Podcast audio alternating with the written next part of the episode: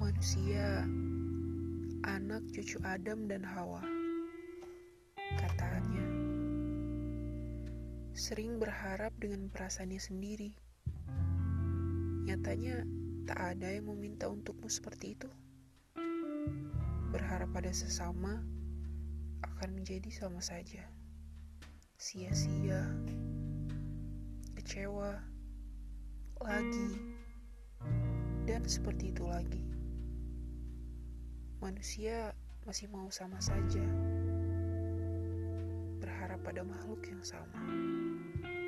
Lupa bahwa manusia sumber kecewa dari manusia lainnya. Bangkitlah, karena nyatanya kamu hanya butuh selain makhlukmu. Ingatlah penciptamu yang telah memberikan nafas dalam hidupmu. Masih berharap dengan yang sama Sadar, bangkitlah. Nyatanya harapmu hanya akan menjadi sumber kecewa sendiri.